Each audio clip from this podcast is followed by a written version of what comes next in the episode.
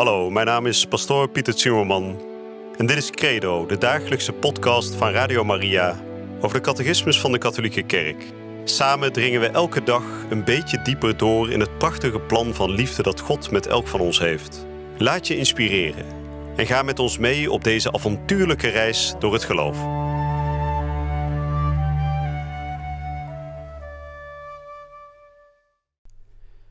Vrienden, van harte welkom terug bij Credo, de dagelijkse podcast waar we inmiddels zijn aanbeland aan het einde van het achtste artikel uit de geloofsbeleidenis. Het artikel dat spreekt over de Heilige Geest.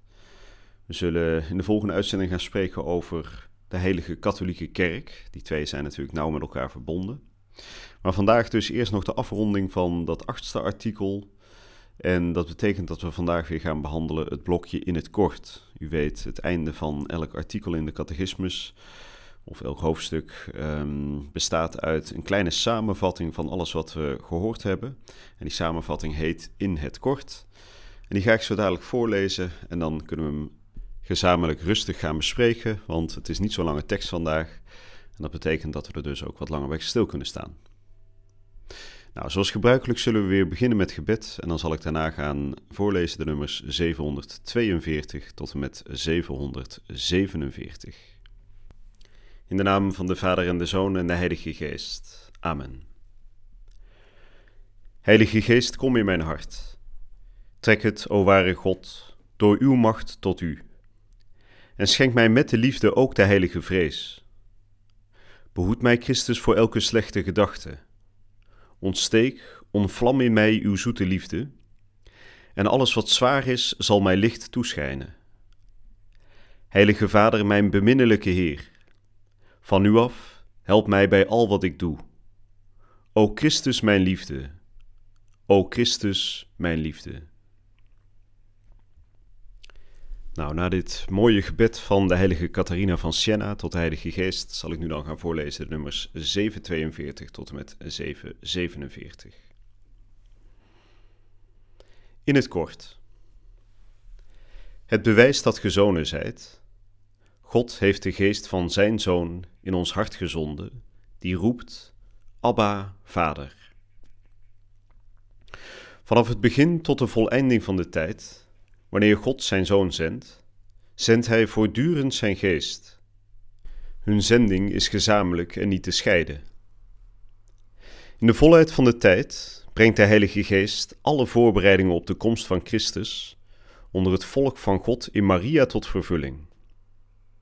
Door de werking van de Heilige Geest in haar geeft de Vader aan de wereld de Immanuel, God met ons.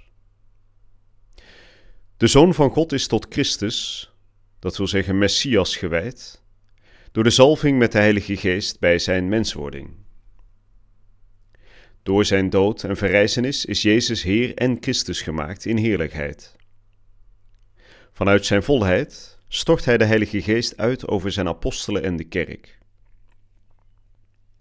De Heilige Geest die Christus, het hoofd, uitstort over zijn ledematen, bouwt, bezielt en heiligt de kerk. Zij is het sacrament van de gemeenschap van de heilige drie-eenheid en de mensen. Nou, dat waren de nummers voor vandaag. Een kort uh, stukje, kort stuk tekst. En dat is goed, want dat betekent dat we er ook zelf wat langer over kunnen doorspreken. We hebben net als eerste regel gehoord dat God de geest heeft gezonden in ons hart, die roept Abba Vader. En dat wil zeggen de geest van zijn zoon, zoals Jezus Christus op aarde voortdurend aan het verwijzen was naar zijn Vader en zijn hele hart en zijn hele missie richtte op de wil van de Vader. Zo doet ook de Heilige Geest in ons. Dus op het moment dat wij de Heilige Geest ontvangen, dan ontvangen we de geest van het zoonschap, het kindschap van God. dus wij beginnen dan te doen wat Jezus Christus op aarde ook deed, namelijk ons volledig richten op de Vader. En de heilige apostel Paulus die schrijft dan inderdaad in zijn brief aan de Galaten dat de Heer ons een geest zendt die roept Abba Vader. En u moet weten, Abba is een ja, hele intieme manier van uh, kinderen om hun vader aan te spreken. Het is een Hebreeuws woord wat door de Joden werd gebruikt als een soort gekozen naam voor hun vader. Hè? Dus niet een heel afstandelijk of een heel formeel vader, maar meer ons Nederlandse papa, zou je kunnen zeggen. En het is die geest die God in ons hart zendt. Hè? Dus hij geeft ons een hele innige relatie met de Vader. Hè? Abba, mogen we zeggen. En dat geeft meteen ook de grootheid aan van de kinderen van God. Hè? Op het moment dat wij door het doopsel kind worden van God, zijn we dus hele verheven wezens geworden. We delen in het zoonschap van Jezus Christus. Wat ja, eigenlijk veel groter is dan we zelf vaak beseffen. Nou, vervolgens spreekt de catechismus over de zending, over de missie van de Zoon en de Geest, die onafscheidelijk is. Dus op het moment dat God zijn Zoon zendt, op het moment dat Jezus mens wordt, dan wordt ook de Geest gezonden. Dus die twee die gaan hand in hand de zending aan. En dan uiteindelijk hè, zien we de volheid van de tijd, zoals de catechismus dat noemt, het moment waarop de dochter van Israël, Maria, zwanger wordt en daarmee de moeder wordt van het nieuwe verbond.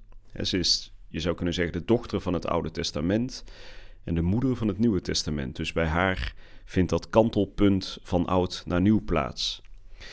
En dat gebeurt, hè, dat geschiet door de Heilige Geest.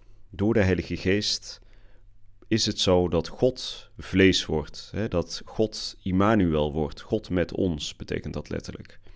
Dus dat wil zeggen dat de Heilige Geest van God letterlijk, werkelijk vlees wordt in de schoot van de Heilige Maagd Maria, om zo God met ons te worden. Nou, dan horen we in het Evangelie, en dat hebben we net ook in de catechismus gehoord, dat de Zoon van God is gezalfd met de Heilige Geest bij zijn menswording.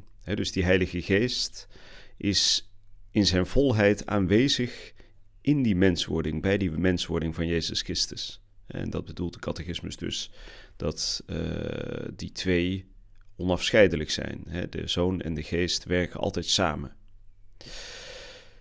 Nou, dan weten we dat Jezus Christus natuurlijk uit de dood is opgestaan en dat hij na zijn verrijzenis en na zijn hemelvaart de Heilige Geest zal zenden. Dat noemen we de geboorte van de kerk, het feest van Pinksteren, wanneer Jezus vanuit de hemel samen met zijn Vader uiteindelijk de Heilige Geest schenkt aan de kerk. En wat is de kerk? De kerk natuurlijk Maria en de apostelen. En we horen dat Maria en de apostelen bijeen zijn in de bovenzaal en dat ze daar aan het bidden zijn, negen dagen aan een stuk. En dan aan het einde van de negende dag, dus negen dagen na de hemelvaart van Jezus, wordt dan vanuit de hemel de Heilige Geest gezonden. En daarmee wordt wat we noemen de kerk geboren. De kerk met Petrus, de, de belangrijkste van de apostelen, aan het hoofd als eerste paus. En natuurlijk met Maria, de moeder van de Heer, in het hart. En dan zegt de catechismus dat die Heilige Geest, die wordt uitgestort met Pinksteren, dat dat het sacrament is van de gemeenschap van de Heilige Drie-eenheid en de mensen. Misschien een beetje een ingewikkelde omschrijving. Wij kennen natuurlijk de zeven sacramenten. Hè? En daar zit het sacrament, uh, dit sacrament niet bij. Maar wat bedoelt de catechismus daarmee? Het sacrament is een levend, een werkzaam teken van Gods aanwezigheid. Hè? Dus op het moment dat God zijn Heilige Geest zendt, dan kun je dat noemen een sacrament, dat dus die kerk tot leven wekt. Zonder de Heilige Geest is de kerk dood, is het alleen maar een verzameling van mensen, is het horizontaal zou je kunnen zeggen. Maar met de Heilige Geest wordt het ook een verticale relatie, namelijk de Heilige Geest die de mensheid, de kerk, verbindt met de Vader en de Zoon in de hemel. dus daarom wordt die Heilige Geest wel genoemd het sacrament van de gemeenschap van de heilige drie-eenheid en de mensen. die heilige drie-eenheid, we hebben het er vaker over gehad. God is gemeenschap van personen, dat betekent openheid. Als hij alleen maar één zou zijn, dan zou het als het ware een soort gesloten entiteit zijn waar we niet in kunnen doordringen. Maar juist omdat die drie-één is, is het openheid, gemeenschap van personen, onderlinge liefde. En door die Heilige Geest worden wij deelgenoten van die gemeenschap van liefde dus die Heilige Geest die opent als het ware voor ons dat mysterie van de Vader en de Zoon. En daarom noemt de catechismus dus het sacrament van de gemeenschap van de heilige drie-eenheid en ons, de mensen. Nou, daar wil ik het voor vandaag bij laten. We gaan in de volgende uitzending door naar het volgende artikel uit de geloofsbeleidenis en dat zal gaan over de heilige katholieke kerk. Ik wens u voor nu een hele goede en gezegende dag toe.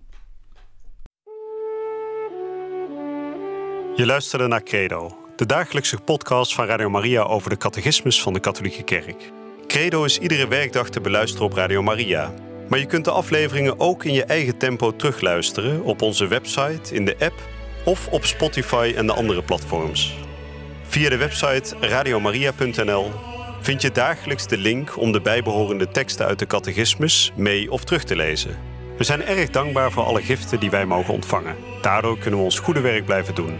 Draag je ook bij aan deze missie?